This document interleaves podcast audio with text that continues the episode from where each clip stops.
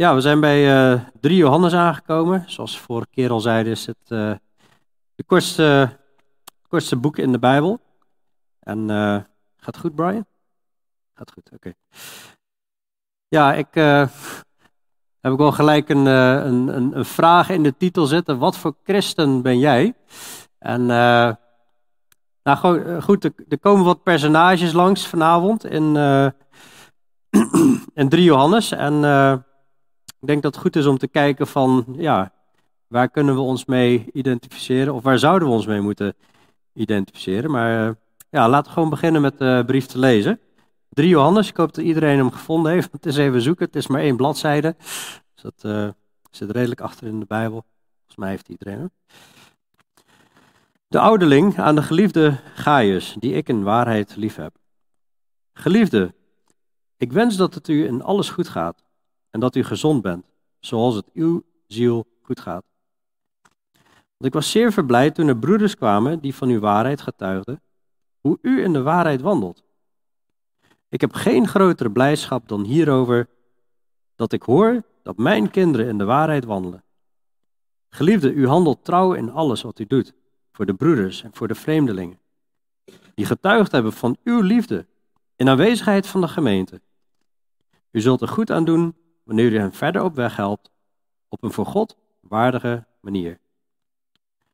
Want zij zijn voor zijn naam uitgegaan, zonder iets aan te nemen van de heidenen.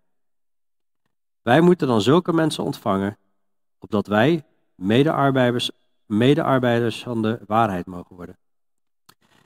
Ik heb aan de gemeente geschreven, maar Diotrephes, die steeds onder hen de eerste wil zijn, erkent ons niet. Daarom zal ik als ik kom de werken die hij doet in herinnering brengen. Hij belast het ons met kwaadaardige praatjes. Hiermee nog niet tevreden, erkent hij zelf, erkent hij zelf de broeders niet en verhindert het hun die het wel willen doen en stoot hen uit de gemeente. Geliefde, volg niet het kwade na, maar het goede. Wie goed doet, is uit God, maar wie kwaad doet, heeft God niet gezien. Van Demetrius is een goed getuigenis gegeven, door allen en door de waarheid zelf. En ook wij geven een goed getuigenis van hem, en u weet dat ons getuigenis waar is. Veel had ik te schrijven, maar ik wil u niet schrijven met inkt en pen. Ik hoop u namelijk spoedig te zien, en dan zullen wij van mond tot mond spreken. Vrede zij u. De vrienden groeten u. Groet de vrienden, ieder, ieder bij naam.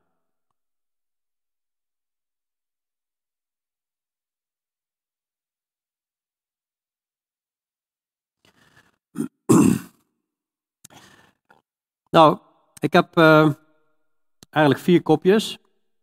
Ik deel het gedeelte op in, in, in vier kopjes. En wil het hebben over de bouwer, de medearbeider, de kwaaddoener en uh, een goed getuigenis. ja, ik zei al van, uh, er zijn vier personen, vier personages die je eigenlijk kan koppelen aan deze eigenschappen, zeg maar. En wat niet wil zeggen van nou, wat voor christen ben jij dat je per se alleen maar bij één moet horen, maar ja, het liefst bij meerdere, maar dan meerdere positieve natuurlijk. Uh. Maar goed, het begint in ieder geval met de ouderling aan de geliefde Gaius. En uh, ja, de bouwer heb ik even Johannes genoemd. Johannes de apostel. Hoe weten we dat dit Johannes is? Nou, het staat er niet, maar door alle eeuwen heen is door eigenlijk ja, de kerk altijd aangenomen en is overgeleverd dat Johannes de schrijver is van deze brief. Um, mensen die heel goed stijlen kunnen vergelijken met elkaar, zien ook, erkennen ook, hey, dit is dezelfde stijl als hij in andere brieven heeft. En uh, Johannes zien we als iemand die, die, die steeds actief is in de gemeente opbouwen en waarschuwen. Ja, hij heeft steeds de kernboodschappen in de eerste Johannesbrief, tweede Johannesbrief en in de derde Johannesbrief. Wandel in liefde en waarheid en pas op voor dwaling. Dat is continu de boodschap. Maar hij is ook een bouwer eigenlijk al, je ziet hem in de evangelie, zie je hem ook al terug, als een apostel. Er wordt over hem geschreven. Hij was zelfs een van de drie apostelen die een hele nauwe relatie met Jezus wandelde. Hij is zelfs een van de evangeliën geschreven. Dan nog drie brieven en dan ook nog het laatste boek van de Bijbel het boek Openbaring. Johannes was een bouwer. Hij heeft gewerkt in Jeruzalem, in Efeze, in, uh, in Patmos. Efeze, dat weten we van buitenbijbelse uh, bronnen. Jeruzalem en Patmos vanuit de Bijbel. Maar iemand die dus ook op afstand actief is. Je ziet hier dat hij weer een brief schrijft. Hij schrijft een brief aan Gaius. En uh, hij noemt deze mensen uit die gemeente, noemt hij ook zijn kinderen. Mogelijk bracht hij hen zelfs bij Jezus. En hij hoopt hun spoedig te zien. Als we Johannes tegenkomen, is hij continu aan het bouwen. Je zou, je zou bijna overheen stappen. Hè, dat Johannes deze brief schrijft, maar dat Johannes zelf al een persoon is die steeds de gemeente bouwt. En in vers 2 zegt hij, geliefde, hij zegt in vers 1 eigenlijk al, de ouderling aan de geliefde Gaius. Hij heeft, ja, Gaius lief, of Gaius was een geliefde. Ik denk dat het beide uh, opgaat. Die ik in waarheid lief heb. Hij heeft hem dus in waarheid heeft hij hem lief. Daar zie je weer die balans, zoals we vorige keer hebben geleerd in 2 Johannes. Dat waarheid en liefde in balans gaat steeds. In vers 2 zegt hij, geliefde, ik wens dat het u in alles goed gaat en dat u gezond bent, zoals het uw ziel goed gaat.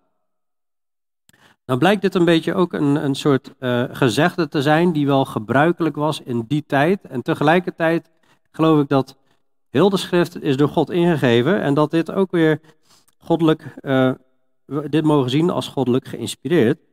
Hè? En uh, ja, hij wenst dat het hem eigenlijk lichamelijk net zo goed gaat zoals het zijn ziel goed gaat. Hè? Dus geestelijk gaat het goed met Gaius. Hij bemoedigt Gaius ook. Van ja, prachtig om te horen dat je in waarheid wandelt. Prachtig om te horen dat je liefde hebt voor de, de mensen in de gemeente en voor de, degenen die op doorreis uh, zijn. Daar zullen we zo op komen.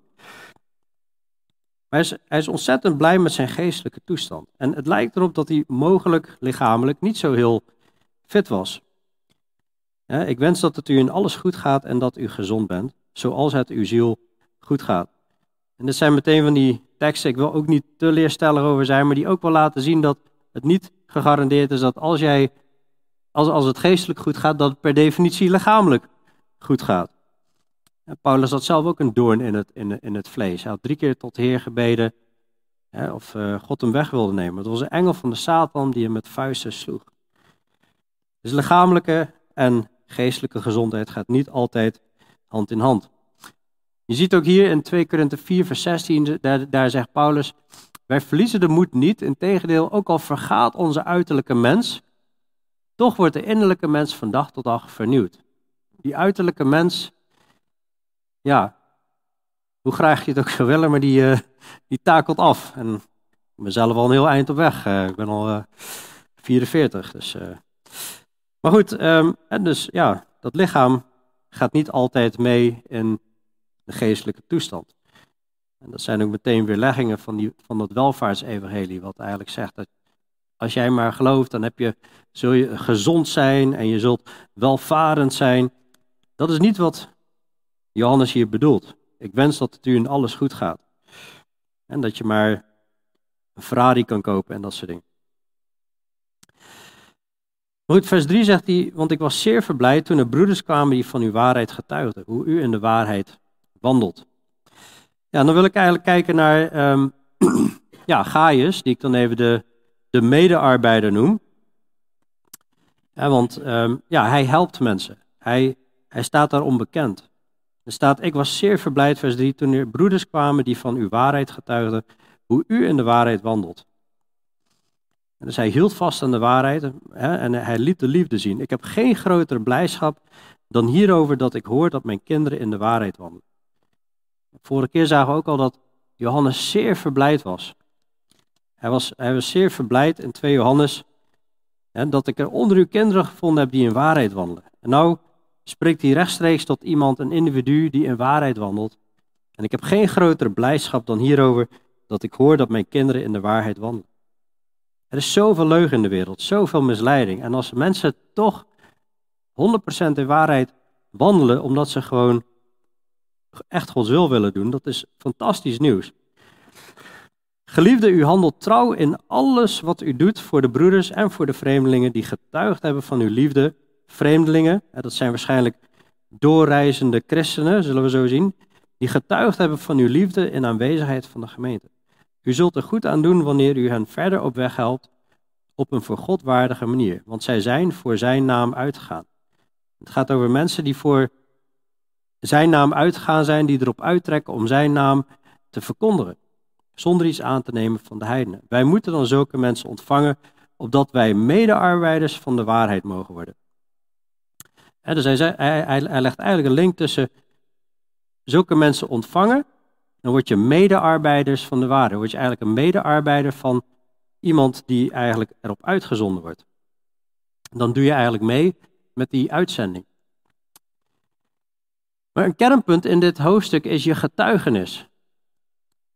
In vers 3 zien wij, hè, ik was zeer verblijd toen de broeders kwamen die van uw waarheid getuigden. Mensen getuigden van Gaius. Dus Gaius had een goed getuigenis. Die stond erom bekend dat hij in waarheid wandelde. We zien ook in vers 6, Gaius handelt trouw in alles wat hij doet voor de broeders en de vreemdelingen. En dus hij had een goed getuigenis, was een goed getuigenis van zijn liefde. Van Demetrius in vers 12, daar zie je van Demetrius is een goed getuigenis gegeven. Die heeft ook een goed getuigenis. Wat hij precies doet, dat weten we niet. Maar in ieder geval, er werd goed getuigenis gegeven door alle en door de waarheid. Maar goed, er is ook één persoon, Diotrephes, die heeft een slecht getuigenis. Hij is een dwarsbomer van het werk van God. Dus ik heb meteen de vraag van, ja, wat voor getuigenis hebben wij om de trouwe gelovigen? Stel, Johannes moest deze brief schrijven en onze naam zou erin genoemd worden. Wat voor omschrijving zou hij bij ons schrijven? Hoe zou jij omschreven willen worden? Want het is best wel bizar als je erover nadenkt dat deze brief, die is opgeschreven. En die namen die hier staan, die staan er al bijna 2000 jaar in. dus miljoenen en miljarden mensen hebben allemaal gezien over deze mensen hoe zij wandelden. En hoe zal dit met ons zijn? Wat voor getuigenis hebben wij? Hoe, gaan wij, hoe zouden wij de boeken ingaan voor honderden, duizenden jaren op het moment dat Johannes nu zou moeten schrijven, of wie dan ook? De vraag is, helpen wij de waarheid of verhinderen wij deze? Deze man, Gaius, die wandelde in de waarheid, en dus hij verspreidde de waarheid. En hij helpt ook nog de mensen die bezig zijn om die waarheid verder te verspreiden. Hij, helpt ze op weg en, en wordt opgeroepen. U zult er goed aan doen wanneer u hen verder op weg helpt. Zij zijn voor zijn naam uitgegaan en hij zegt, we moeten zulke mensen ontvangen, opdat wij medearbeiders van de waarheid mogen worden.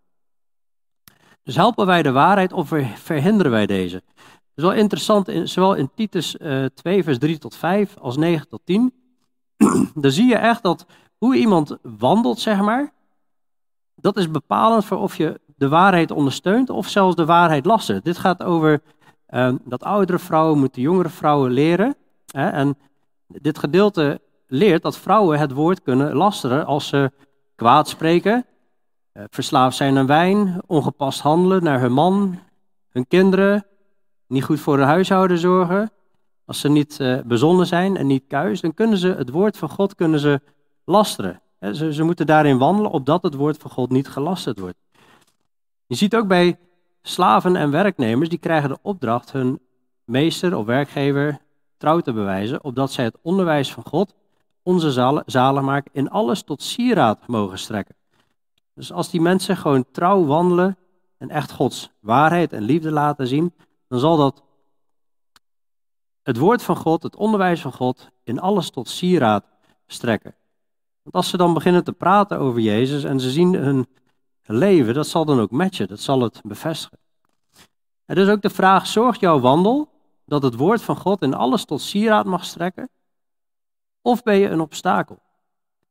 Dat zijn hele belangrijke vragen. Mag God door ons heen werken, dat het woord van God verder mag verspreid worden? Of blokkeren wij het op een of andere manier? Dat was in ieder geval een vraag die ik mezelf stelde toen ik hier doorheen ging. En waarbij je dan natuurlijk ook in deze tekst ziet hè, van zalig is de man die niet wandelt in de raad van de goddelozen, die niet staat op de weg van de zondaars, die niet zit op de stoel van de spotters, maar die zijn vreugde vindt in de wet van de Heer en zijn wet dag en nacht overdenkt.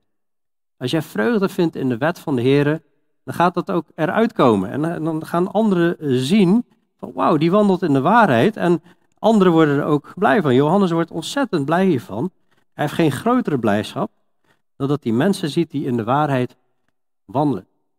Die vreugde vinden in de wet van de Heer, die zijn woord dag en nacht overdenken. Zulke mensen zijn als een boom geplant aan waterbeken. Dit is echt een, dat zie je in Gaius, in, in Ga, Gaius, klinkt altijd zo negatief, maar dat zie je in het leven van Gaius.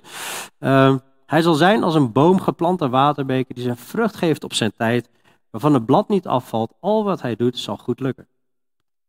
We weten niks van Gaius af. We weten alleen, hij komt hierin voor, maar hij heeft een krachtig getuigenis. En als ik, als ik hier naar kijk, dan zie ik echt zo'n man die Gods woord dag en nacht overdenkt, erin wandelt en andere mensen blij maakt. En wat hij doet, dat lukt goed. want mensen geven een goed getuigenis van hem. dus wees daders van het woord en niet alleen maar hoorders, anders bedriegt u uzelf. We hebben hier een, een krachtig getuigenis van iemand die niet alleen maar luistert naar Gods woord, maar er ook in wandelt. hij in vers 5 staat, geliefde, u handelt trouw in alles wat u doet voor de broeders en voor de vreemdelingen, die getuigd hebben van uw liefde in aanwezigheid van de gemeente. En dat is gewoon precies wat de bedoeling is, dat we wandelen in de waarheid, dat we wandelen in de liefde. Johannes wordt daar ontzettend blij van, maar God wordt daar vooral ontzettend blij van ook. Nou goed, in ieder geval, hij heeft van alles gedaan voor de broeders en voor de vreemdelingen. Waarschijnlijk dus die doorreizigers, die zendelingen die op weg zijn. Ze hebben getuigd van uw liefde in aanwezigheid van de gemeente, vers 6. En u zult er goed aan doen wanneer u hen verder op weg helpt, op een voor God waardige manier. En dus blijkbaar spreekt Johannes Gaius aan van, ja, jij bent aangewezen persoon om hen op weg te helpen. Mogelijk omdat hij al gewoon dit soort dingen deed. Zij zijn voor zijn naam uitgegaan. Deze mensen zijn op, op weg voor zijn naam. Zonder iets aan te nemen van de heidenen. Wij moeten zulke mensen ontvangen, opdat we medearbeiders van de waarheid mogen worden. En gastvrijheid en mensen helpen, dat is een ontzettend belangrijk thema in de, in de Bijbel. En niet alleen bij jou thuis mensen ontvangen, uh, maar ook gewoon hier in de gemeente, dat we gewoon gastvrij mogen zijn. Dat staat in Hebreeën 13, vers 1. Nadat hij in Hebreeën 12 eigenlijk best wel een heel stevig hoofdstuk heeft neergezet. Hoe belangrijk het is te wandelen in de waarheid en Jezus te volgen. En zegt hij, laat de broederliefde blijven. Vergeet de gastvrijheid niet. Dat is het eerste waar hij mee komt. De broederliefde, laat die blijven en vergeet de gastvrijheid niet. Want hierdoor hebben sommigen, zonder het te weten, engelen onderdak geboden. Ja, waarschijnlijk een heenwijzing naar het verhaal van Abraham, die die mannen ontvangt, die de Heer ontvangt met de, met de engelen.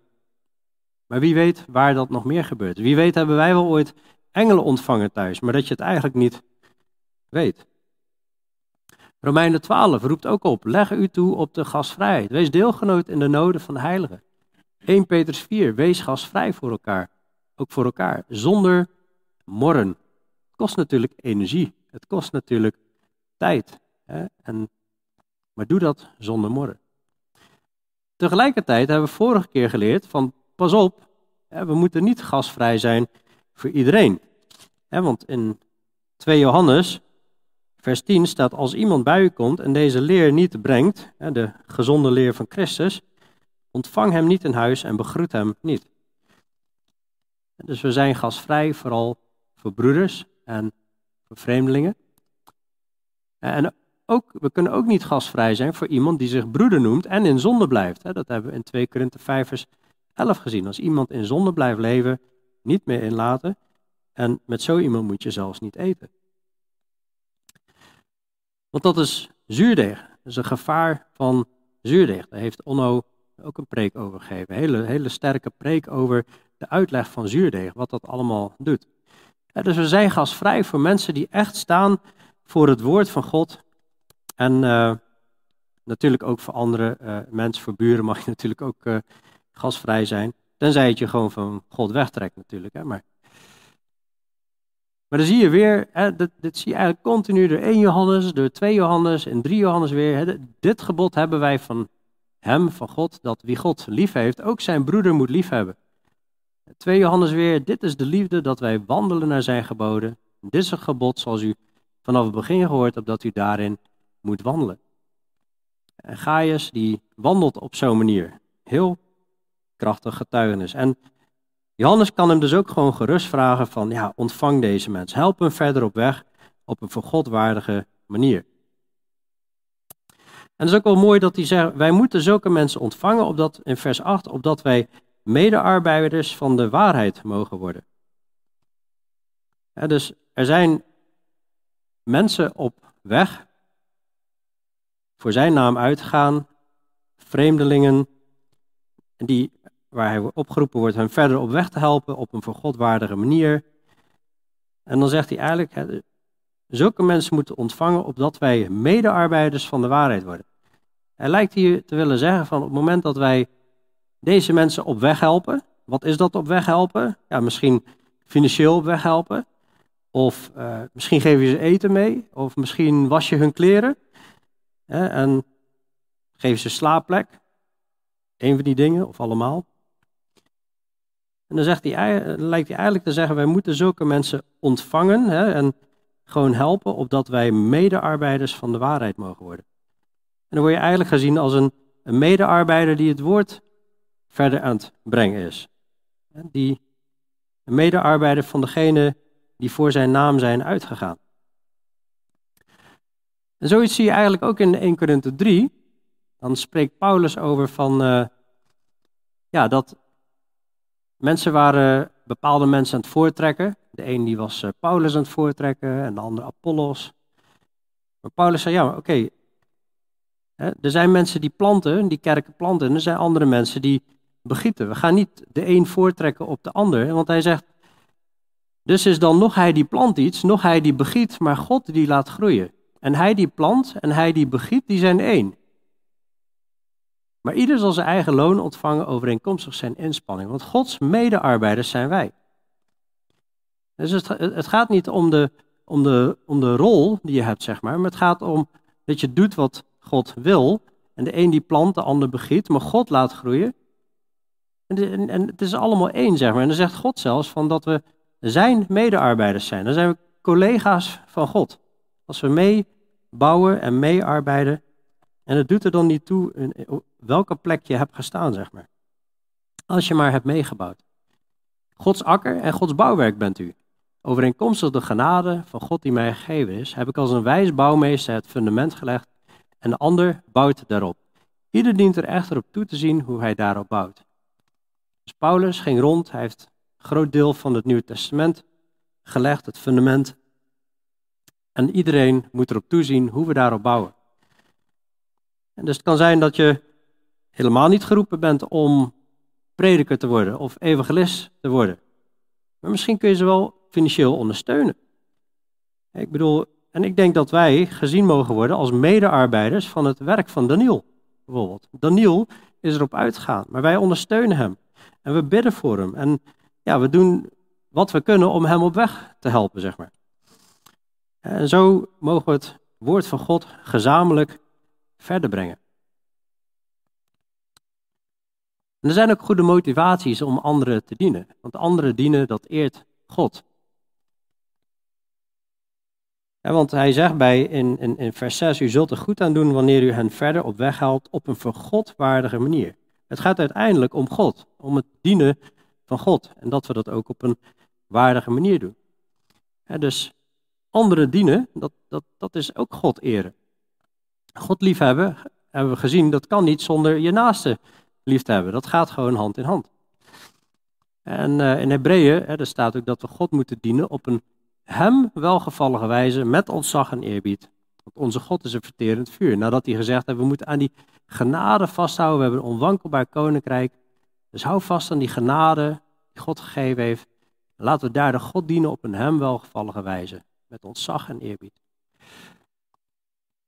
Het is ook een getuigenis naar de wereld. Als wij um, elkaar helpen en elkaar liefde tonen. Hierdoor zullen alle inzien dat u mijn discipelen bent als u liefde onder elkaar hebt. Als we elkaar helpen. En anderen dienen is ook gehoorzaamheid aan God.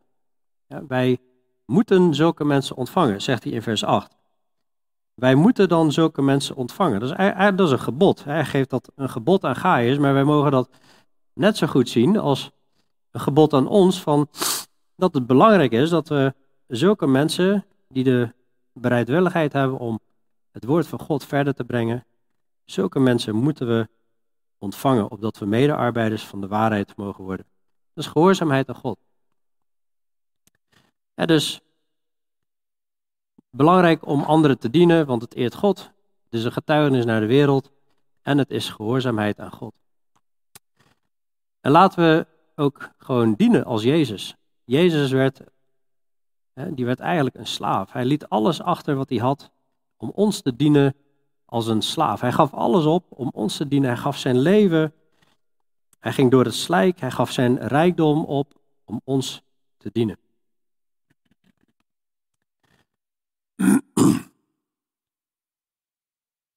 Dus een prachtig persoon waar je mee zou kunnen identificeren. Gaius, de medearbeider. Dus we moeten zulke mensen ontvangen, vers 8, opdat wij medearbeiders van de waarheid mogen worden. Maar ja, helaas is er ook een kwaaddoener in het midden. En we weten allemaal niet precies, we weten allemaal niet precies van, ja, wat is nou de situatie? Is Gaius, was die nou een ouderling? Is die Diotrephes een ouderling en Demetrius een ouderling? En was daar een probleem met een van die ouderlingen? Of waren dit gewoon uh, dienaren? Uh, of was een van hun een ouderling? We weten niet wat de context is, maar ik denk ook niet dat dat per se belangrijk is om te weten. Het gaat erom wat verhouding heb je, in wat voor plek je dan ook staat. Maar als wij kijken naar vers 9 tot 11, ik heb aan de gemeente geschreven, maar Diotrephes, die steeds onder hen de eerste wil zijn, erkent ons niet. Hij erkent de apostel Johannes niet. Of Johannes noemt zichzelf de ouderling niet. Dus Diotrephes erkent de ouderling Johannes niet. Daarom zal ik als ik kom de werken die hij doet in herinnering brengen. Hij belast ons met kwaadaardige praatjes.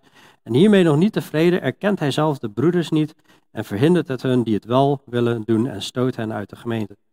Geliefde, volgt niet het kwade na, maar het goede. En wie goed doet is uit God, maar wie kwaad doet heeft God niet gezien. Echt heel belangrijk, die laatste zin. Wie goed doet is uit God, maar wie kwaad doet heeft God niet gezien. En wat doet deze man hier? Doet hij goed of doet hij kwaad? Maar even een, even een, refresh. Uh, we hebben geleerd in 1 Johannes 4, beproef de geesten of zij uit God zijn. Met wat voor iemand hebben wij hier te maken? Kan, kan iemand zich nog herinneren van wat, wat waren de toetsstenen uit 1 Johannes 4? Hoe we de geesten moesten beproeven.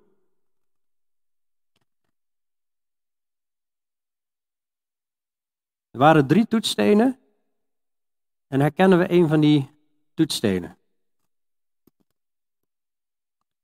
De zoon verlogenen. Ja?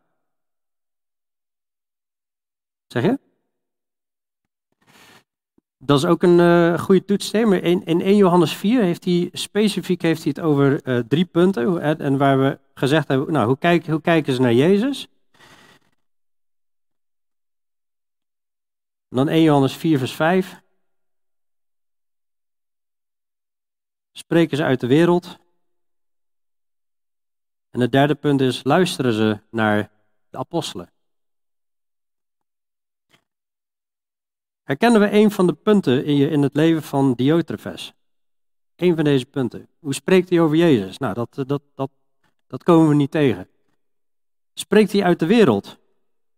En luistert hij naar de apostelen?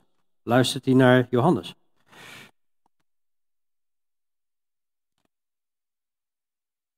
Nee, hè? Waaraan, waaraan zie je dat?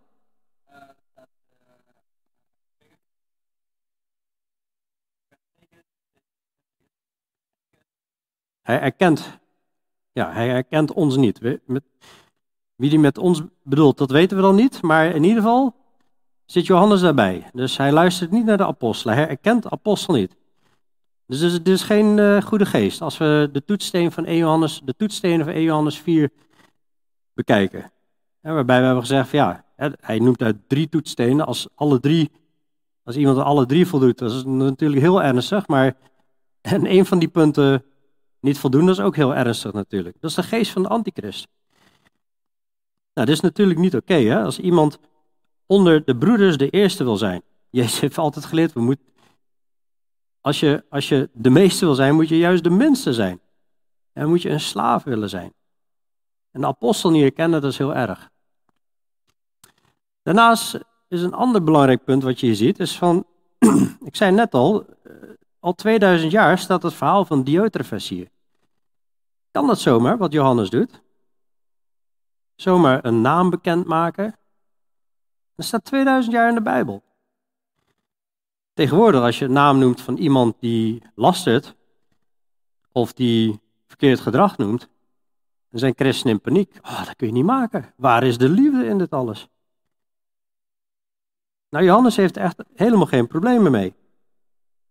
Die maakt dit bekend en hij zegt zelfs: Als ik kom, zal ik de werken die hij doet in herinnering brengen. En dus hij gaat er ook nog werk van maken. Nou goed, wij hebben ook wel eens over namen gesproken, namen bekendgemaakt, hè, van die niet goed wandelden. Waarom doen we dat? Omdat dat een Bijbels principe is. Dat zie je in 1 Timotheus 1 vers 20, dat Paulus heeft daar mensen overgegeven aan de Satan, die van de waarheid afweken. Tot hem behoorden Hymenaeus en Alexander. De mensen in die kerk in Efeze, waar Timotheus op dat moment is, die kenden deze mensen gewoon. Tot hem behoren Hymenaeus en Alexander, die ik aan de Satan overgegeven heb, opdat zij zouden leren niet meer te lasteren. dus hier maakt hij ook lasteraars, maakt hij bekend aan de gemeente. Pas op. Hier maakt hij over Diotrefes bekend. Pas op. Deze man belastende ons met kwaadaardige praatjes. Met zo iemand moet je niet eens eten. Ook, ook daar ging het om lasteraars, zeg maar.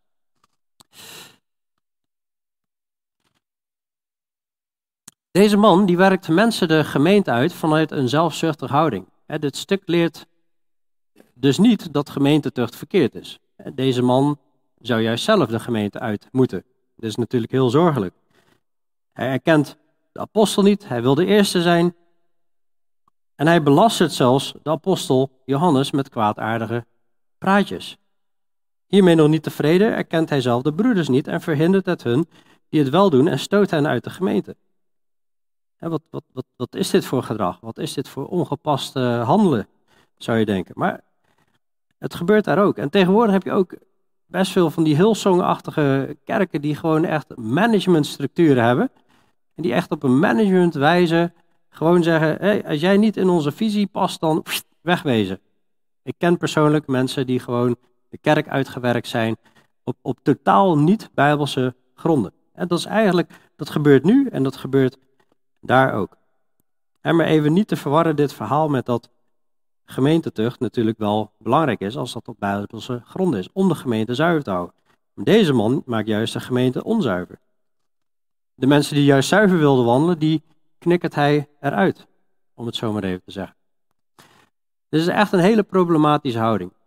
Deze man wil de eerste zijn. En dit, dit is geen dienaarhouding, dit is geen, dit is geen houding van een, van een slaaf. Hij erkent de apostel, de ouderling Johannes niet en anderen ook. Anderen ook niet. Hij lastert met kwaadaardige praatjes. En nog niet tevreden erkent hij broeders niet. Mensen die het wel doen, stoot hij uit de gemeente. En Johannes benoemt dit hè, als kwaad doen in vers 11. Geliefde, volg niet het kwade na, maar het goede. En Johannes die komt ook spoedig om een en ander te bespreken. Hij zegt niet wat hij gaat bespreken, maar in vers 13 zegt hij: Veel had ik te schrijven, maar ik wil u niet schrijven met inkt en pen. Ik hoop u namelijk spoedig te zien en dan zullen wij van mond tot mond spreken. Nou, waar zouden het nou eens toch eens over gaan hebben? Er is een serieus probleem daar in die gemeente. Het gaat over een gemeente. In vers 6 zagen we en dat het over de gemeente ging. Maar waar ik aan moest denken, die, die hele houding van steeds onder hen de eerste willen zijn. Waar hebben we die houding eerder teruggezien? En dat zien we al terug bij de val van Satan, waar op een gegeven moment Jezaja over spreekt. Over de val van Satan, die, en, en, die, en die, die zei in zijn hart, ik zal opstijgen naar de hemel, tot boven Gods sterren zal ik mijn troon verven. Ik zal zetelen op de berg van de ontmoeting aan de noordzijde. Ik zal opstijgen boven de wolkenhoogte. Ik zal mij gelijkstellen met de Allerhoogste. Echter, u bent in het rijk van de dood neergestort, in het diepst van de kuil. Maar wat valt hier op? Ik, ik, ik, ik, ik. dit is steeds de eerste willen zijn. Het gaat allemaal om ik, om de ego. Ego betekent ik. En Jacobus schrijft hier eigenlijk ook over. Hè. Vanuit Jacobus wordt het eigenlijk heel duidelijk vanuit waar dit vandaan komt, dit gedrag. Wanneer u bittere afgunst en eigen belang in uw hart hebt, hij wilde steeds onder hen de eerste zijn, dat is een eigen belang. Als je dat in je hart hebt, beroem u dan niet en lieg niet tegen de waarheid. Dat is niet de wijsheid die van boven komt, maar ze is aards, natuurlijk en duivels. Dus een houding van eigen belang is aards, natuurlijk en duivels. Komt uit het vlees en dat gebruikt Satan. Dit is gewoon duivels wanneer wij op onze eigen manier de dingen willen doen en eigen belang hebben. Want waar afgunst en eigen belang is, daar heersen wanorde en allerlei kwade praktijken. Maar de wijsheid die van boven is, dit is de goede houding, die is ten eerste rein, die is vreedzaam. Deze man is totaal niet vreedzaam. wijsheid van boven is welwillend, die is voor reden vatbaar, vol barmhartigheid en goede vruchten, onpartijdig en ongeveinsd. Dus het is wel een, echt een hele serieuze houding. Aards natuurlijk en duivels. En dan heb je allemaal wanorde en kwade praktijken. Maar besef dat, ja, we zien ook dat hij erkent Johannes niet. En Johannes zegt van, in vers 10, als ik kom, ik zal de werken die hij doet in herinnering brengen. Hij belastert ons met kwaadaardige praatjes. Dus hij belastert Johannes. Hij besmeurt zijn naam. Hij zet hem eigenlijk als slecht weg, als een verkeerd persoon. En dat is zorgelijk, want Johannes was juist apostel die het woord van God moest uitdragen. In de tijd dat de schrift nog niet compleet was. Maar we weten ook dat allen die godvruchtig, die godvruchtig willen leven in Christus Jezus, zullen vervolgd worden. Nou, dit is ook een vorm van vervolging, wanneer je belasterd wordt. En als jij een godvruchtig leven wil leiden, dan zul je te maken krijgen met laster, met vervolging. Als jij nooit belasterd wordt, als jij nooit vervolgd wordt, Jezus zei, wee u wanneer al de mensen goed van u spreken. Dan is er iets aan de hand. Als je het woord van God brengt, dat gaat spanningen oproepen bij mensen. Bij ongelovigen. Maar de meeste strijd zie je onder schijngeloven, vanaf schijngeloven komen. Hij zegt ook, en daar, daar, had, daar waarschuwde uh, Paulus Timotheus ook al voor, van slechte mensen en bedriegers zullen van kwaad tot erg gaan. Zij misleiden en worden misleid. Blijft u echter bij wat u geleerd hebt en waarvan u verzekerd bent, omdat u weet van wie u het geleerd hebt. Wat ik hier interessant aan vind, was met Onno over, over gehad, van slechte mensen en bedriegers zullen van kwaad tot erg gaan. Nou, dat kun je nog begrijpen. Hè? Maar wat interessant is, dat hier staat, wij, denken wel eens, hè, en je hebt van die misleiders, en dan denk je, oh, dat is echt erg, weet je wel. Maar de mensen die worden misleid, horen ook bij de slechte mensen en bedriegers. We denken, oh man, oh, die, al, die, al die misleiders, die mensen misleiden, is zo zielig voor die mensen die misleid worden. Maar die horen bij die slechte mensen. Want slechte mensen misleiden en worden misleid. dus ja, je kunt denken, oh, je hebt je zo'n man die belastert en dan gaan mensen dat misschien geloven. Maar dat, dat zijn zelf dan ook de mensen die slecht zijn. Want mensen die uit de waarheid zijn, die zullen dat herkennen van dit is niet oké. Maar we zien wel, spreuken zegt, een verderfelijke man brengt ruzie teweeg en een lasteraar maakt scheiding tussen de beste vrienden. Ik heb helaas zelf gewoon vaker in de praktijk vriendschappen, die ben ik verloren, ben ik kwijtgeraakt. En dat doet ontzettend pijn door mensen die gingen lasteren. En dat heeft gewoon vriendschappen kapot gemaakt. Dat is wat lasteren doet. Lasteren maakt vriendschappen kapot, maakt families maakt het kapot. En dat is ontzettend erg. Daarom wil, zegt God in 1 Korinther 5, alle mensen die lasteren, die moeten uit de gemeente. De woorden van de lasteraar zijn als lekkernijen. Die dalen af in de schuilhoeken van zijn binnenste. Een lasteraar, oh, je vindt dat heerlijk. Je hebt tegenwoordig van die, van die lasterprogramma's, achterklapprogramma's. Zelfs op nu.nl heb je een afdeling heet achterklap. Mensen die in de wereld leven vinden dat heerlijk. Roddel, laster, al die dingen. Maar als dat in de kerk is, dat is echt erg. En als je je oor te luisteren legt aan laster, dat is ook erg. Eh, let op, een lasteraar kan alleen lasteren als hij luisteraars heeft. Als wij niet luisteren naar laster, dan kan een lasteraar ook niet lasteren. Snap je? Dus hij kan het wel even proberen natuurlijk, maar op het moment dat je, oh wacht, kappen, dat wil ik gewoon niet horen. Stop je mee. Je spreekt, je spreekt kwaad over iemand. Als jij iets wil oplossen, als je iets over die persoon ga maar zelf naar die persoon. Dus, lasteren is echt alles verwoesten. We hebben dat ook in Jacobus 3 gezien, hè, met die tong, hoe dat een, als, als een klein vuur, en dat kan een heel huis in brand zetten. Nou, we kunnen ook allemaal wel ervaringen delen vast als je gaat spreken over misbruik van de tong en situaties, maar uh, dat is triest als je zulke mensen in de gemeente bezig ziet. Vers 11 zegt, wie goed doet is uit God, maar wie kwaad doet, heeft God niet gezien. Wat voor christen ben jij? Ik hoop toch niet dat wij straks voor God moeten staan. En dat God moet zeggen, jij, jij was zo'n kwaaddoener. Jij was een Diotrefes. En ik mag hopen dat Diotrefes het licht heeft gezien of hier staat wie kwaad doet heeft God niet gezien. Volgens mij wil Johannes hiermee zeggen van deze man doet het kwaad. Deze man heeft God niet gezien. Die is niet opnieuw geboren. Maar ik mag hopen dat Diotrefes opnieuw geboren is of tot inkeer is gekomen. Maar één ding is wel, als we in de eeuwigheid Diotrefes tegenkomen, dan zal die man zich moeten schamen voor zijn naam.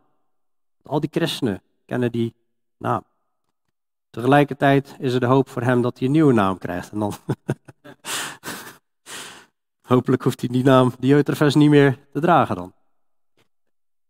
Op een witte steen, ja. En dan hebben we Demetrius. Ik kan er niet veel over zeggen, anders dan van Demetrius is een goed getuigenis gegeven. Door allen en door de waarheid zelf. Hoe kun jij een getuigenis krijgen van mensen? Nou, dat is duidelijk. Mensen zeggen, hé, hey, die man die wandelt in waarheid. Maar hoe kun jij door de waarheid zelf een getuigenis krijgen? Ik denk wanneer jij wandelt in de waarheid en mensen lezen de waarheid. En denken, hé, hey, wat ik hier zie, hey, dat, kun je, heb je er wel eens dat je de Bijbel leest? Ik heb wel eens, dan lees ik de Bijbel. Overigens twee kanten op. En dan denk ik, ja, wat ik hier lees, dat, ah, dat herken ik echt in die en die persoon. Soms in de gemeente, soms buiten de gemeente. Nou, en en dan geeft de waarheid eigenlijk getuigenis ook van zo'n persoon. Ik denk dat ik dat wel zo zou mogen interpreteren, uitleggen. maar, en ook wij geven een goed getuigenis van hem, van Demetrius. Dus mensen getuigen over hem, de waarheid zelf getuigen over hem. En Johannes met anderen geven ook een goed getuigenis van hem.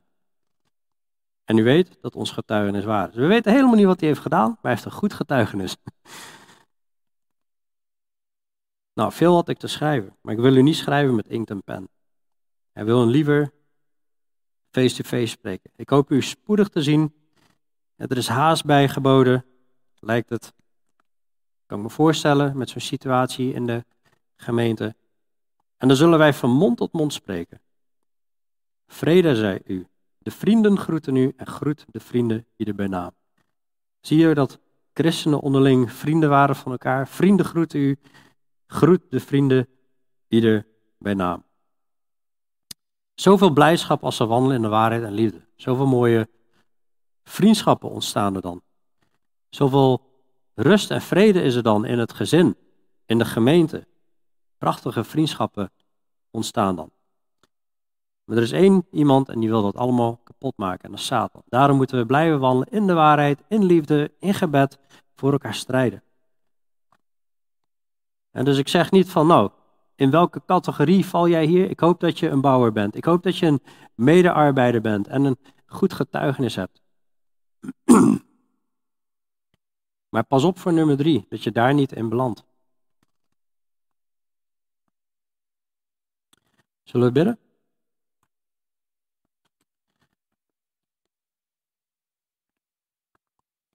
Ja, het is weer een uh, korte brief van Johannes, Heer, maar dank u wel dat u zo laat zien in zelfs de eerste gemeente mensen waren die echt uh, zo in waarheid en liefde wandelden, goed getuigenis hadden. Maar daartussenin zat ook, zat ook, gewoon, zat ook gewoon een kwaaddoener die de gemeente echt kapot wilde maken. Soms zijn ze van binnenuit actief, soms van buitenaf. Ik wil u zo vragen om bescherming van de gemeente. Ik wil u zo vragen, Heer, dat we in waarheid en liefde mogen wandelen. Medearbeiders mogen zijn, bouwers mogen zijn. We anderen op weg mogen helpen, Heer, die voor uw naam uit zijn gegaan. Help ons om zo eerst uw koninkrijk te zoeken en uw gerechtigheid. En al het andere op nummer twee te zetten. Dank u wel, Heer. Ik ben er zelf door bemoedigd. Door deze korte brief. Ik bid ook dat anderen bemoedigd mogen zijn. Heer, dat we mogen wandelen in waarheid en liefde. En ons mogen verblijden over degene waar u door uw Heilige Geest krachtig mee bezig bent, Heer. Om die te vormen.